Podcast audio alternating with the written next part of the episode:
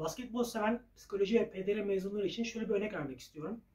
Ee, Bir basketbol maçının sonlarını ele alalım. Ee, Bu maçta diyelim ki bir sporcu ardı ardına 3-4 tane üçlük atıyor olsun. Ve bunların hepsi basket oldu. Şimdi bu durumda o e, basketbol için eli sıcak derler. Yani eli sıcak bir durumda yani ne atsa bir şekilde atıyor. Şimdi bu normalde sadece yetenekle açıklanacak bir durum değil. Bu aynı zamanda psikolojik olarak e, farklı bir momentumun devreye girmesiyle alakalı. Şimdi bu durumda e, bütün rakip sporcuların motivasyonu kayboluyor. Daha sonra azalıyor diyelim buna kaybolmak yerine. Ve şuna dikkat ediyorlar. Biz işte bu sporcuya, bu kişiye o topu vermeyelim. Çünkü onun eli sıcak durumda. Atacak yani bir şekilde. Bu rakip takım için bazen çok ciddi bir dezavantaj yaratabiliyor.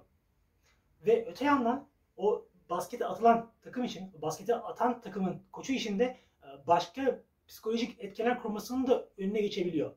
Belki bildiği daha iyi bir plan var ama o el sıcak oyuncuyu atması gerektiğini hissediyor o anda.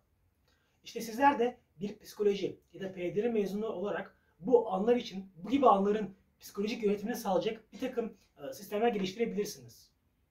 Bu aslında sadece basketbol değil. Mesela teniste de böyle. Diyelim ki bir sporcu setlerde 2-0 önde olsun. E, Rakip takım rakip takım olmuyor gerçi işte. Diğer sporcu, diğer tenisçi 2-2 yaptığı zaman o setin 5. setinde artık seti veren kişi bir şekilde maçtan kopuyor ister istemez ve gelen kişi arkadan, arkadan gelen kişi o maçı bir şekilde artık alıyor. Peki buradaki o süreç yönetimi nasıl olmalı? O mental çözüm nasıl olmalı? Bu aslında şu anda koçların bir iş yükü. Yani o hem basketbolcuların hem tenisçilerin e, koçların yaptığı bir şey bu. Ama e, ne kadar işe yarıyor? Bazı anlarda bu bir soru işareti. Büyük koçlar hala bunu yapabiliyorlar belli ölçeklerde. E, Hala dedim aslında onların yine iş yükü ve aslında onların o koçların fark yaratmasını sağlayan bir şey. Ama diğer e, orta ve alt kısımların, alt takımların yöneticileri ya da alt tenisçilerin, sporcuların koçları hala bu konuda bir takım geride kalmış durumdalar. İşte sizler bu konuda yapacağınız çalışmalarla hem akademiye katkı sağlayıp hem de bu konuda kendi e, sistemlerinizi kurgulayabilirsiniz. Şimdi bunun iki yolu var. Kariyer planlaması için. Birincisi bu konuda takımlara girebilirsiniz. Mesela basketbol takımında yer alıp bir psikolojik danışman ya da bir psikolog olarak e, o anların yönetimini sağlayabilirsiniz. Ya da koçların bu hizmeti almasını sağlayacak bir e, yapı kurabilirsiniz. Diyelim ki kendinize ait bir danışmanlık merkeziniz var. Böyle, böyle bir e, hizmet sunuyorsunuz. Müşterileriniz sadece o takımların koçları, o takımların yöneticileri, falanca kişileri ya da direkt o sporcular belki icabında. Buna göre bir sistem kurgulamanız mümkün. Peki bunu nasıl yapacaksınız? Bence bu konudaki en önemli çözüm yine her zaman iddia ettiğimiz gibi sosyal medyayı kullanabilmek. Ve sosyal medyayı kullanıp yaptığınız analizleri paylaşmak. Ve bir noktadan sonra göreceksiniz. Yaptığı analizler eğer birkaç belli bir kişiye ulaşırsa e, sporcular da sizinle görüşmek isteyecekler belli bir zaman sonra. Çünkü onlar da o kriz anlarından çıkabilmenin yolunu arayacaklar. Ve aslında arıyorlardı şu anda. Belki çok yetenekli, belki çok daha büyüğünü başarabilir. Ama o anlarla, o kritik, saniyelik anlarla mücadele etmenin gücü başka bir yetkinlik, başka bir seviye. İşte siz de kendinizi bu noktada konumlandırabilirsiniz ve bunu yapmanız mümkün. Dediğim gibi birincisi burada bir akademik çalışma yapabilirsiniz. Ve bence bu yurt dışında karşılığı olan bir aslında ihtiyaç. Yani sizin bu konuda yapacağınız çalışmalar, bu konuda yazdığınız makaleler, tezler size yurt dışının da kapısını açabilir. Örnek veriyorum MBA. Şu anda MBA bunun en çok konuşulduğu konuların bir tanesi mesela. Pek çok okuduğum makale buna değiniyor. Ama hala bir çözüm yok. Öte yandan e, NBA bunun bir parçası, e, tenis bunun öte bir parçası, bilardo aynı şekilde. Mesela bilardoda da öyle. Yani saniyelik anlar sizin e, belki bütün bir turnuvayı kaybetmenize neden olabiliyor. Bu tarz sporlarda, özellikle bireysel sporlarda sizin fark yaratmanız çok mümkün. Bunu dediğim gibi birincisi direkt sporcularla yapabilirsiniz. İki, koçlar yapabilirsiniz. O takım koçlarıyla.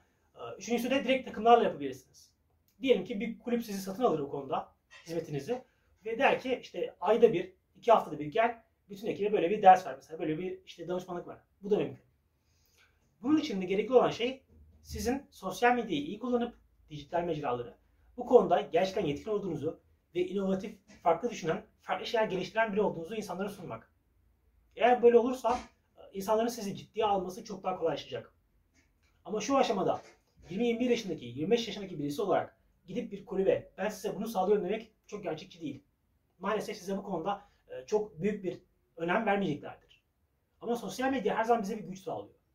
Yeni jenerasyonda her zaman e, sizin dediklerinizin çarpı 3, çarpı 5 olmasını, o çarpan kuvvetini bir şekilde kullanmanızı sağlıyor. Bu nedenle bu konuda bir sosyal medya hesabı açıp sadece bu konuda paylaşma yapacağınız bir hesap yönetmek sizin için uzun vadede çok değerli işler sağlayacaktır.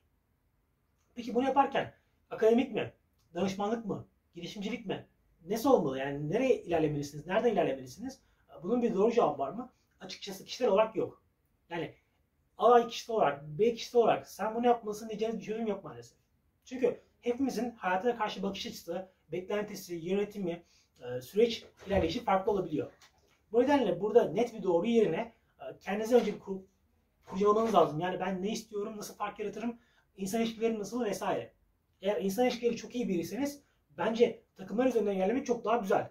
Ve e, gelir kapısı anlamında hem gelir kapısı hem kariyer rotası anlamında çok daha iyi sonuçlar sağlayabilir. Ama insan ilişkileri çok iyi olmayan, e, sadece araştırma ve bunları yazıya dökme olarak iyi biriyseniz mesela akademik de iyi bir fırsat. Ya da hızlı sonuç almak için de mesela akademik yine iyi bir kapı olabilir. Yurt dışına çıkmak için mesela test konusu olarak iyi bir konudur bu ve gidebilirsiniz. Ama e, biraz daha uzun vadeli, daha sabırlı biri olarak mesela ilerlediğiniz zaman e, çok daha iyi imkan sağlamanız mümkün. Çünkü hem Türkiye'de hem yurt dışında dediğim gibi ülkelerin, takımların, e, sporcuların buna ihtiyacı var. Ve bu konuya mesela nasıl başlayabilirsiniz? Bence ilk başlangıç noktası şu olabilir. Belli maçları ele alıp mesela o maçların maç sonunu ya da ortalarını inceleyip bu konuda mesela çalışmalar yapabilirsiniz. Dersiniz ki mesela Türkiye Sırbistan maçı vardı 2010 Dünya Şampiyonası olması lazım. Ee, Kerem Tunçeri'nin basket attığı son saniye maçı mesela Sırbistan maçı. Mesela orada topun Kerem Tunçeri'ye gelme anına kadarki süreci inceleyip onu mesela e, bir not olarak paylaşabilirsiniz. Mesela burada şöyle oldu, şöyle oldu vesaire. Ya da Shane Larkin mesela benim çok e, saygı duyduğum ve harika izlediğim bir basketbolcudur. Mesela Shane Larkin'in maç içindeki o üçlüklerini yönetme sürecini ele alıp orada hem Shane Larkin'e hem Ergin Ataman'ın psikolojik e, ilerleyiş açısından e, o süreç yönetim açısından ele aldığınız bir mesela bir makale çok ilgi çekecektir. Ve bu sadece o kulüpler için değil aslında genel kitle için de ilgi çekecektir. Basketbol seven ya da işte tenis seven vesaire kişilerin psikolojik yönetimle ilgilenen tarafları bu makaleleri çok zevkli bir şekilde okuyup size dönüş sağlayabilirler. Ve bence bu Türkiye'de de çok tutar, dünyada da çok karşılığı olan bir konu. Çünkü şu anda hem ülkemizde hem dünyada ihtiyaç olan konulardan bir tanesi derinlemesine uzmanlık. Yani spesifik bir konuda uzman olan kişilere çok ihtiyaç var. Ve bunun bence psikolojiye de karşılığı var. Yani bakıyorsunuz aile terapisti, işte şu konu uzmanı vesaire çok yüzeysel kalıyor. Artık daha derinlemesine, artık daha niş şeylere ihtiyacımız var. Çünkü her tarafta, her konuda her gün terabaytlarca veri üretiliyor. Böyle bir dünyada bir kişinin temel bir uzman olması çok mümkün değil. Bu nedenle niş uzmanlık çok daha değerli ve bu konuda yapacağınız çalışmalarla basketbol, tenis, bilardo vesaire gibi konularda çok büyük fark yaratacağınızı düşünüyorum. Peki burada size uygun olanı nasıl seçebilirsiniz? Yani size uygun olan alanı nasıl seçmeniz mümkün? Bu konuda bizim bir online kariyer danışmanlığı platformumuz var. Haftalık olarak görüşmeler yapıp karşımızdaki katılımcıların bireysel olarak neyi istediğini, nerede fark yaratabileceğini düşünüyoruz. Bunun üzerine kafa yoruyoruz. Bu tarz bir platformla böyle bir programla kendinize yetişmeniz mümkün. Bunun haricinde tabii kendi içsel yolculuğunuza çıkıp kendi maceranızı incelemenizde size neleri zevkle yapabildiğiniz, nelerden daha fazla keyif aldığınız konusunda bir takım veriler sağlayabilirler. Önümüzdeki videoda görüşmek üzere. Hoşçakalın.